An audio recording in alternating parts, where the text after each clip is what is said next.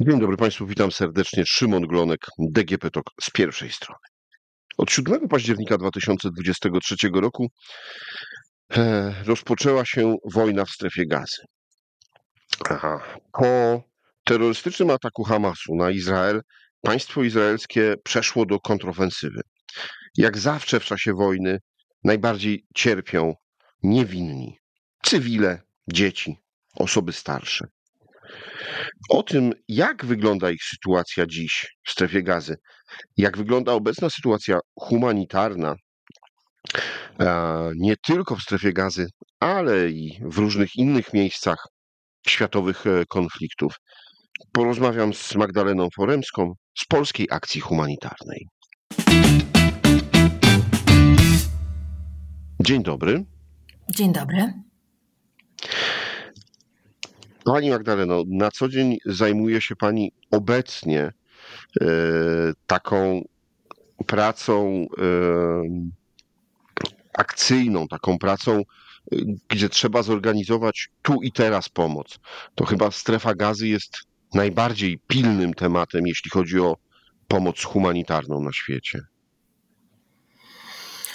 Tak, um, sytuacja humanitarna w strefie gazy jest, e, jest katastrofalna i ta akcja militarna, te działania wojskowe e, cały czas e, trwają, jak widzimy na ekranach telewizorów czy czytając informacje. I niestety nie zanosi się na to, e, że będzie, że, że się uspokoi w najbliższym czasie. E, dlatego sytuacja jest bardzo, bardzo trudna. Brakuje tam wszystkiego. Przede wszystkim e, wody, żywności i leków. Musimy pamiętać, że strefa gazy jest niewiele większa od Krakowa. I w tym momencie znajduje się tam prawie 2 miliony ludzi, e, dlatego że 8, ponad 85% ludności gazy sprzed wojny, to jakieś 2 miliony 200 tysięcy ludzi, e, przemieściło się całkowicie na południe, e, szukając schronienia i bezpieczeństwa, którego tam nie, nie znaleźli, bądźmy, bądźmy szczerzy, dlatego że cały czas jest ostrzał i nie ma tak naprawdę żadnego bezpiecznego miejsca, w którym cywile mogliby się schronić.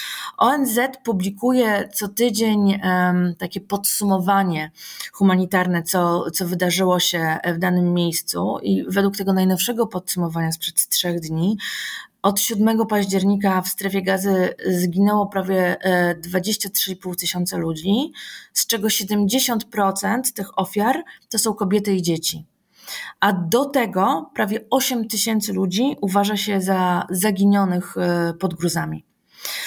E, ci ludzie, którzy tam są, e, potrzebują desperacko przede wszystkim dostępu do czystej wody, środków czystości, sanitariatów, dlatego że przy takim zagęszczeniu, na tak małej powierzchni, w takim klimacie, to jest najprostsza i najszybsza droga do, e, do wybuchu epidemii.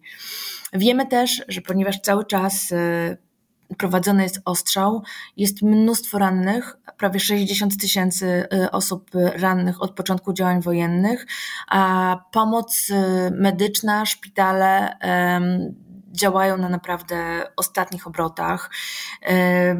Nie ma leków, y, nie ma środków medycznych, nie ma aparatury medycznej, aby pomóc rannym, a do tego też pamiętajmy, że codziennie w strefie gazy rodzi się prawie 200 dzieci.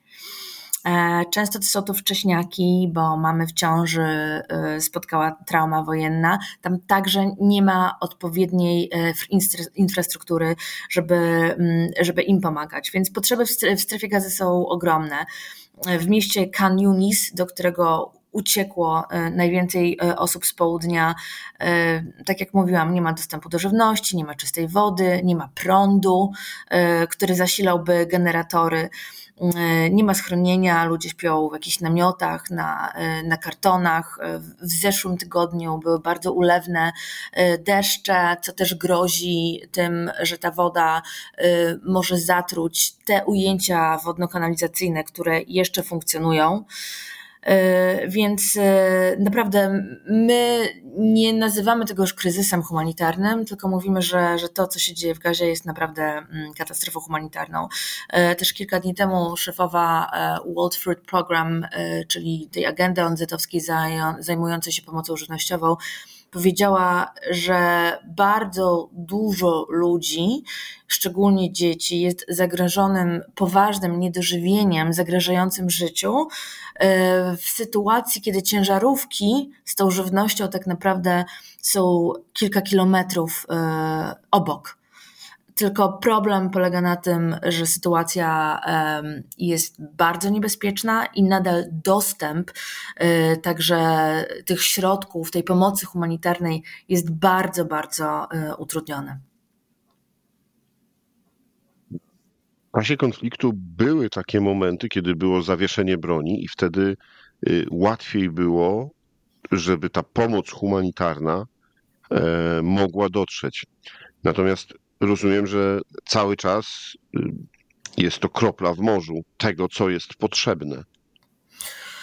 Tak, e, dlatego że czynne są na południu, e, na, przy, przy granicy z, z Egiptem są czynne obecnie e, dwa przejścia i też nie, nie cały czas i każdy przejazd e, ciężarówki z, ze środkami z pomocą humanitarną jest bardzo dokładnie sprawdzany, są opóźnienia, więc, więc naprawdę nie możemy mówić o jakimś systematycznym dostępie e, i transporcie pomocy humanitarnej. To, to jest wszystko bardzo nieregularne i to powoduje, e, że zaledwie promil tego, co, co jest potrzebne, dociera, dociera do potrzebujących. Więc jest to naprawdę ogromne wyzwanie. Mm, dla tych organizacji, które są na miejscu, e, próbują e, doraźnie pomagać, e, są obecne, mm, ale jeszcze na początku część środków pomocowych była dostępna w gazie, no ale ponieważ już przekroczyliśmy dzień setny mm, tej wojny, wiadomo, że, że, że wszystko, wszystko się kończy, część została zniszczona, dlatego bardzo ważny jest ten regularny i uproszczony dostęp pomocy humanitarnej ze strony egipskiej, o co apelują właśnie szefowie agent ONZ-owskich. I podsumujmy. W pierwszej kolejności potrzebna jest woda, podstawowa żywność i środki medyczne do opatrzenia ran, czy też podstawowe leki. Tak, e, jakakolwiek pomoc medyczna, dlatego że e, lekarze w gazie mówią, że nie mają po prostu infrastruktury, e, antybiotyków. Mówimy tutaj nawet aparatu do, do wykonania prześwietlenia czy, czy, czy USG w przypadku osób rannych, ale też pamiętajmy, że są tam osoby przewlekle chore, które na przykład mają, mają cukrzycę, tak, czy czy potrzebują e, ciągłego wsparcia, czy te, te kobiety w ciąży, o których mówiłam, nie ma, e, nie ma e, odpowiedniej infrastruktury, nie ma środków, która mogłaby im pomóc, ale oczywiście tą pierwszą, tą pierwszą potrzebą jest zapewnienie bezpieczeństwa sanitarnego, tak aby nie doszło do żadnej, do żadnej epidemii. I dlatego my zdecydowaliśmy się, że nasz, naszą, naszą pierwszą pomocą, naszą pierwszą interwencją, e, współpracując z Międzynarodową Organizacją CARE, z którą zresztą już pracowaliśmy i w Ukrainie, i w Polsce. CARE jest e, obecne e, na tych terenach od kilkudziesięciu lat i mają doskonałe rozeznanie na miejscu. Dlatego po, po dyskusjach i po rozmowach z, nich, z nimi doszliśmy do wniosku, że to, co jest najbardziej potrzebne teraz, to jest dostarczenie zestawów do podstawowej higieny osobistej dla, dla rodzin właśnie w mieście Khan Yunis na, na południu strefy gazy. Więc e, organizujemy przekazanie takich e, pakietów higienicznych. To są podstawowe środki czystości. Mydło, pasta do zębów, e, szampon, produkty do higieny menstruacyjnej dla kobiet, środki do, do prania. Dla nas to się wydaje, że są to zupełnie oczywiste i podstawowe rzeczy, ale one są w tym momencie na wagę złota. E, dla, e, dla Państwo działacie, Państwo działacie tutaj na miejscu, zbierając fundusze i kupując te niezbędne środki, a zaprzyjaźniona z Wami współpracująca organizacja zajmuje się dystrybucją. Czy też już macie swoich przedstawicieli pachów w strefie gazy? Nie, doszliśmy do wniosku, zresztą tak jak większość innych organizacji humanitarnych, a y, dostęp jest teraz niezwykle utrudniony i jest y, niebezpieczny, y, ale są organizacje, które są już na miejscu, są w środku, są tam od wielu lat, mają doświadczenie, mają know-how i w tym momencie najlepszym sposobem jest wspieranie ich na miejscu, nie, nie, nie powodując dodatkowego zamieszania, tak bym powiedziała. Już nie mówiąc o tym, że uzyskanie tych zgód na pojawienie się tam w środku jest niezwykle czasochłonne i, i, i prawie, prawie że niemożliwe. A w ten sposób, e, współpracując z organizacją, która jest na miejscu, możemy działać efektywnie i możemy działać e, bardzo szybko.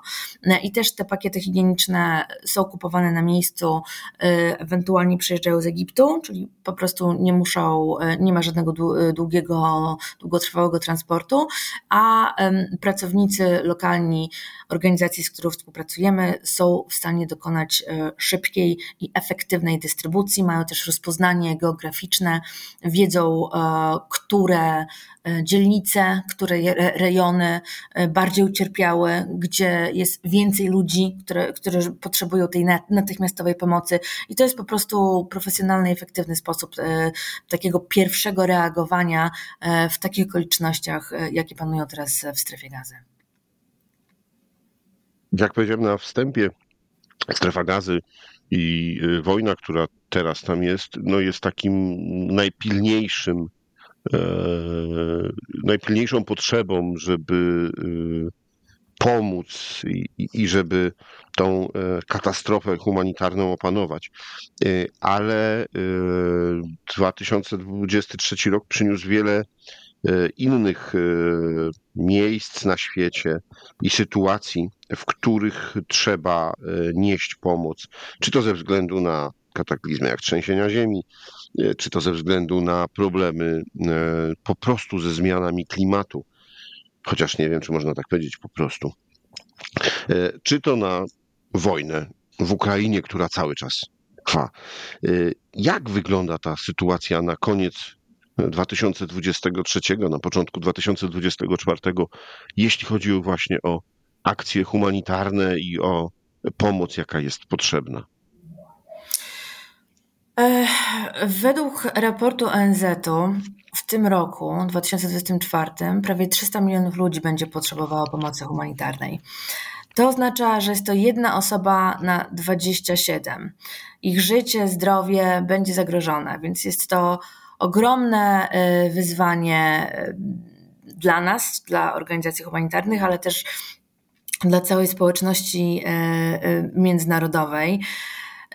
Ta Jedna osoba na 27 żyjących na świecie. Tak, tak, tak. Więc to jest jak gdyby dosyć, dosyć namacalne porównanie, tak? Bo to jest jedna osoba w, klasie szkolnej, tak, przeciętnej, e, e, przeciętnej wielkości. Jeżeli chodzi o regiony geograficzne, w których e, to, to wsparcie będzie konieczne, no to tutaj wymienia się przede wszystkim regiony Afryki Wschodniej i Południowej. To jest ponad 75 milionów ludzi, dlatego że to są te regiony dotknięte bardzo mocno e, właśnie negatywnymi skutkami zmian klimatycznych. E, Somalia, w której jesteśmy obecni od 2011 roku, która zmaga się z suszami i z powodziami, chociażby e, Sudan Południowy, Madagaskar, w którym otworzyliśmy biuro w 2022 roku, właśnie dlatego, że był to, mówimy że są takie kryzysy, wiadomo, bardzo dużo, bardzo dużo rzeczy się dzieje. Mamy konflikty zbrojne, mamy katastrofy naturalne, chociażby e, tragedia w, w, w Syrii, w Turcji w zeszłym roku, czy Maroko, ale są też takie miejsca na ziemi, w których e, są e, konflikty czy, czy kryzysy takie za, zapomniane. One nie pojawiają się na pierwszych stronach gazet czy, czy na, na portalach internetowych. I takim przykładem właśnie był Madagaskar, który kojarzy nam się z rajską wyspą, z, z plażami, E, ale tak naprawdę na południu wyspy 2 e, miliony ludzi jest e, zagrożonych głodem i bardzo poważnym niedożywieniem, bo Madagaskar też jest takim miejscem na mapie, które bardzo poważnie zmaga się z negatywnymi skutkami zmian klimatycznych i ta rajska wyspa jest dotknięta nimi bardzo szczególnie, bo połowa wyspy, południe wyspy jest nawiedzane bardzo poważnymi suszami, pora deszczowa jest o wiele krótsza, o wiele bardziej nieprzewidywalna, a mieszkańcy e, tych terenów e, żyją z upraw ogrodów przydomowych. I w momencie, kiedy przestaje padać deszcz, kiedy wysychają rzeki na zdecydowaną większość roku, kiedy do studni trzeba iść coraz dalej i ona także wysycha, czasami ma słoną wodę, czasami ma wodę niezdatną do picia, mm, nie ma upraw i nie ma, e, nie ma żywności. I ludzie borykają się e, z, z niedożywieniem, tam także jest bardzo dużo dzieci e, i z, z, ze wszystkimi chorobami, które są z tym, z, tym, z tym związane. Więc dlatego jest to także kierunek, który obraliśmy. Otworzyliśmy tam biuro i rozpozna, rozszerzamy nasze działania programowe właśnie na południu, na południu wyspy. E, więc to, to trzeba brać pod uwagę, e, ale także e, oczywiście w kręgu naszych zainteresowań pozostaje Ukraina, dlatego że ta wojna ciągle trwa, pomimo że mogą niektórzy powiedzieć, że się niektórzy, że się, że się do niej społeczność międzynarodowa trochę przyzwyczaiła, mm, ale tak, sytuacja jest nadal, nadal bardzo trudna. My jesteśmy obecni na miejscu, pracujemy na wschodzie kraju z wieloma organizacjami lokalnymi. To także jest dla nas ważne, bo oni znają potrzeby, oni, oni wiedzą gdzie, oni, e, my, my raczej mówimy jak. E, to też jest konflikt, o czym, o czym mało się mówi, że w konfliktach zbrojnych bardzo ważna jest pomoc y, psychologiczna albo psychospołeczna. Tak? To też jest element pomocy humanitarnej. E, więc oprócz doraźnej pomocy staramy się ją zapewniać, tworzymy takie centra wsparcia, mm, gdzie młodzi ludzie albo starsi ludzie Mogą się spotkać, mogą porozmawiać, mogą porozmawiać z psychologiem. E, robimy to już od 2014 roku, nie zaczęliśmy tego typu działań mm, w 2022, ale to jest bardzo, bardzo ważny element e, e, pomocy. Zresztą robimy to także w Polsce dla tych uchodźców, którzy są teraz tutaj. Korzystamy z naszej sieci Pajacyk, dlatego że ona ma bardzo dobre współpracę z y, organizacjami regionalnymi z różnych części Polski i jest w stanie nam powiedzieć, e, gdzie e, są ludzie wymagający tego typu pomocy i jest to bardzo ważny element naszej pracy.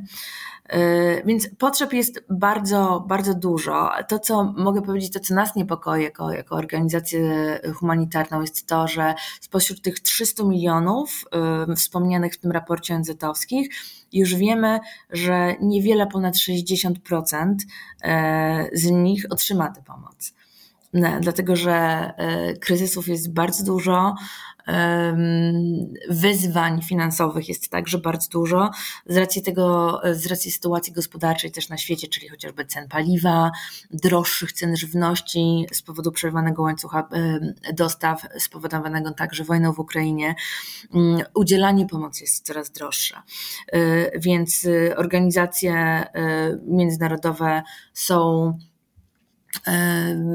zostawione gdyby z tym, z tym dylematem, tak, że, że już wiemy, że nie uda nam się dotrzeć do wszystkich. Jest to, e, jest to ogromne wyzwanie. A e, sytuacja humanitarna będzie cały czas coraz trudniejsza, dlatego że oprócz konfliktów zbrojnych, te zmiany klimatyczne bardzo poważnie zwiększają liczbę osób, y, która y, potrzebuje takiej pomocy, dlatego że takie powodzie czy takie, czy takie susze powodują chociażby skalę wewnętrznych przemieszczeń w danym kraju. Wewnętrzne, wewnętrzne przemieszczenie, mówimy, że jest uchodźca, czyli ktoś, kto musi y, uciekać do innego kraju, kraju, dlatego że jego zdrowie i życie jest zagrożone, jest też także pojęcie wewnętrznego uchodźcy. Czyli jest to osoba, która musi opuścić swój dom do innego miasta, do, do innego regionu swojego kraju, dlatego że jej życie, jej życie i zdrowie jest zagrożone. To jest bardzo częste, szczególnie w krajach właśnie mm, Afryki Wschodniej, Południowej, tam gdzie pracujemy, mm, bo z powodu powodzi czy z powodu suszy, nie można już być u siebie w domu, nie można, nie można żyć, nie można zapewnić sobie i swojej rodzinie przetrwania, mówiąc krótko. Więc co ciekawe, zaledwie w ciągu jednego roku, między 2021 a 2022, e, ta skala wewnętrznych przemieszczeń wzrosła o prawie 45%. I tendencja na ten rok, który właśnie się rozpoczął, także pozostaje niekorzystna. I taki uchodźca wewnętrzny, nie dość, że musi uciekać ze swojego domu razem ze swoją rodziną i zwykle. Yy, gdzieś zostaje w, w, miejscu z dostępem do wody albo tam, gdzie można uzyskać pożywienie, ale jest to jakieś bardzo prowizoryczne y, domostwo albo też obozy dla osób wewnętrznie mm, przemieszczonych. Y, I takie osoby także są traktowane na, y, na nierówny dostęp przede wszystkim do, do infrastruktury w tym nowych miejscach, także na łamanie ich praw, na, także, a raczej przede wszystkim trudności ze znalezieniem środków na utrzymanie siebie i swojej, e, i swojej rodziny. A nawet jeżeli e, e, zamieszka w takim obozie dla, dla wewnętrznie przemieszczonych, to pamiętajmy, że te obozy się rozprzestrzeniają, są coraz większe, tam też potrzeby tych ludzi są ogromne, są przepełnione i one też wymagają wsparcia aktorów humanitarnych, chociażby przy budowie latryn, czy punktów poboru wody, czy punktów testowania tej wody, dlatego że tutaj wracamy do, do problemu głównego. Jeżeli nie ma dostępu do bezpiecznej wody, jeżeli jeżeli nie mamy dostępu do bezpiecznych y, sanitariatów, w takich skupiskach bardzo zagęszczonych, w takich klimatach jesteśmy bardzo blisko od wybuchu, y, od wybuchu epidemii. Więc to, jest to także y, coś, na czym, na czym się koncentrujemy.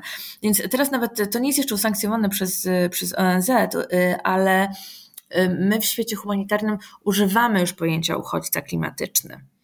E, I wydaje mi się, że jest to kilka, e, tylko kwestia czasu, e, zanim, zanim oficjalnie zostanie usankcjonowany ten termin. Dlatego, że musimy być świadomi tego, że zmiany klimatu i zniszczenia powodowane zmianami klimatu doprowadzają do tego, że coraz więcej ludzi rok rocznie musi opuszczać swoje domy. Mm, I tutaj także dotykamy poziomu migracji, tak, tematu migracji, że to są naczynia połączone i jeżeli nie będzie zdecydowanej odpowiedzi na, na te problemy, no to migracja y, krajów południa do krajów północy jest rzeczą nieuniknioną. Magdaleno, no jak słyszymy e, wyzwań stojących przed organizacjami humanitarnymi, ale powiedziałbym bardziej przed ludzkością, e, jest e, cała masa. No bo sami na siebie sprowadzamy wojny, e, są katastrofy naturalne, które zawsze były, trzęsienia ziemi, pożary czy, czy, czy, różne inne. E, są do tego katastrofy klimatyczne, które też sobie sami zafundowaliśmy. E, no ale mm, powiedzmy, że słuchacz naszego podcastu może pomyśleć, ale co ja mogę zrobić? E, no przecież nie polecę do strefy gazy, do, na Madagaskar e, czy do wschodniej Ukrainy nie pojadę, żeby, żeby pomagać, no bo mam dom, rodzinę, dzieci. Z jednej strony e, oczywiście, że mm, zbiórki czy, czy wsparcie finansowe, ale czy są jeszcze jakieś inne metody wywierania wpływu politycznego, czy też yy, chociażby, nie wiem, zainteresowania tymi tematami, które mogą pomóc yy, w Państwa działalności, no i yy, doprowadzić do tego, żeby jednak miała Pani jak najmniej pracy, a nie jak najwięcej. Hmm. Wydaje mi się, że jest z tą, z tą świadomością um, jest, jest coraz lepiej, dlatego że to, co się faktycznie zmieniło w ostatnim czasie, to jest to, że ludzie, społeczeństwo nie patrzy już na te kryzysy humanitarne, które często są bardzo egzotyczne dla nas, dla nas w zakątkach świata, jako właśnie coś bardzo y, egzotycznego i, i, daleko, y, daleko od nas, bez żadnego wpływu na to, y, na to, jak wygląda nasze życie. Wydaje mi się, że poprzez, poprzez edukację, poprzez oczywiście dostęp do mediów społecznościowych, czy, czy w ogóle do internetu, tak, jesteśmy świadomi tego, że że, że świat tak naprawdę jest o wiele mniejszy niż nam się wydaje. I, y, I ta świadomość pomaga nam zrozumieć, że mm, Madagaskar czy Południowy Sudan wydaje się, że to, jest, y, że to jest y, bardzo daleko i nie ma żadnego związku z nami, ale już wiemy, że tak naprawdę ma i że to mm, mm, jest bardzo blisko połączone potencjalnie z, z, naszym życiem. I ta świadomość też bardzo wpływa na to, jak, jak ludzie reagują na to, co robimy, na to, jak są, jak, jak są otwarci, chcą dowiedzieć się więcej i także wpływa to, e, to na to, że, że chcą podzielić się mm, e, swoimi środkami i wspierają naszą organizację. Jeżeli chodzi o, o pomoc, no to e, my zawsze mówimy, że ważna jest profesjonalna pomoc humanitarna, y, dlatego że, że to, co my robimy i to, co robią inne organizacje pomocowe, to jest, to, to, może to się wydaje, że to jest, y, to, to nigdy nie jest spontaniczne. To wszystko jest bardzo dobrze zaplanowane, bardzo dobrze przemyślane w strukturach, w jakich udziela się pomocy humanitarnej. Czyli my działamy według systemu e, ONZ-owskiego, e, działamy w klastrach, czyli w takich sekcjach mm, różnych tematów humanitarnych, czyli jest klaster wodny, jest klaster e, żywnościowy, jest klaster pomocy ochrony, w której też jest pomoc, pomoc psychologiczna.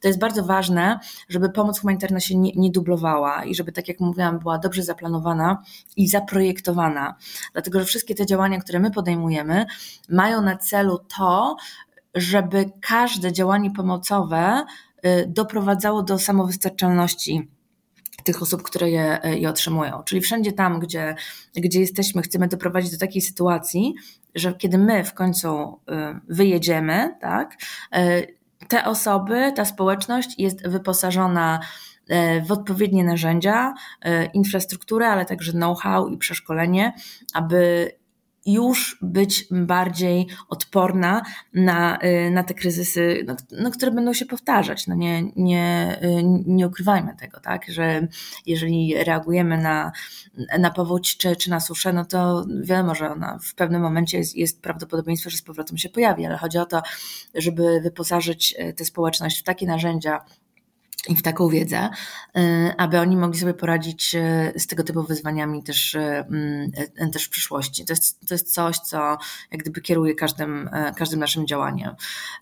Co, co można zrobić? Ja zawsze zachęcam do śledzenia tego, co robimy w mediach społecznościowych, dlatego że staramy się komunikować bardzo dokładnie, staramy się być w tych wszystkich miejscach i też opowiadać historię tych ludzi ich słowami, no bo e, nikt tego lepiej, nie, nikt tego lepiej nie opowie, kim są, e, czego potrzebują, co, co robią, co, co lubią, tak, jakie, jakie są ich marzenia.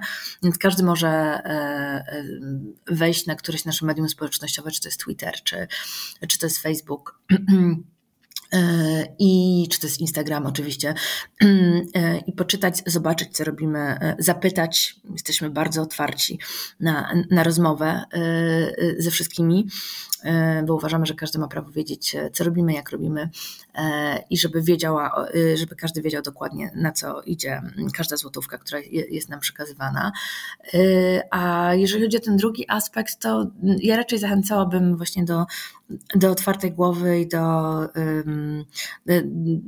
do gdyby szukania tych informacji, tak? Szukania tych informacji to są, to są, to są bardzo ciekawe rzeczy, bo one też jak gdyby powodują, że lepiej rozumiemy świat, przynajmniej tak jest w moim rozumieniu.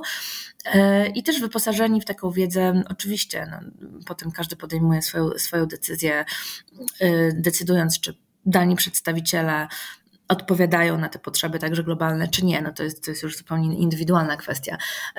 Nam raczej y, zależy przede wszystkim, żeby to społeczeństwo polskie, które jest z nami już od ponad 30 lat, rozpoczęliśmy swoją historię właśnie w taki sposób, organizując konwoje do oblężonego Sarajewa, że jakby jesteśmy w tym wszyscy razem, tak, tak bym powiedziała, że, i żeby wszyscy rozumieli, dlaczego to robimy, mm, po, po co to robimy, z kim to robimy e, i, i żeby wszyscy także widzieli, że to ma sens, dlatego że, że to ma ogromny sens.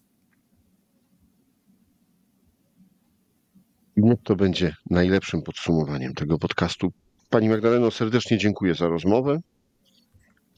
Ja także bardzo dziękuję. Moim i Państwa gościem w podcaście DGP Talk z pierwszej strony była Magdalena Foremska z Polskiej Akcji Humanitarnej, a rozmawiał Szymon Glonek. Do usłyszenia.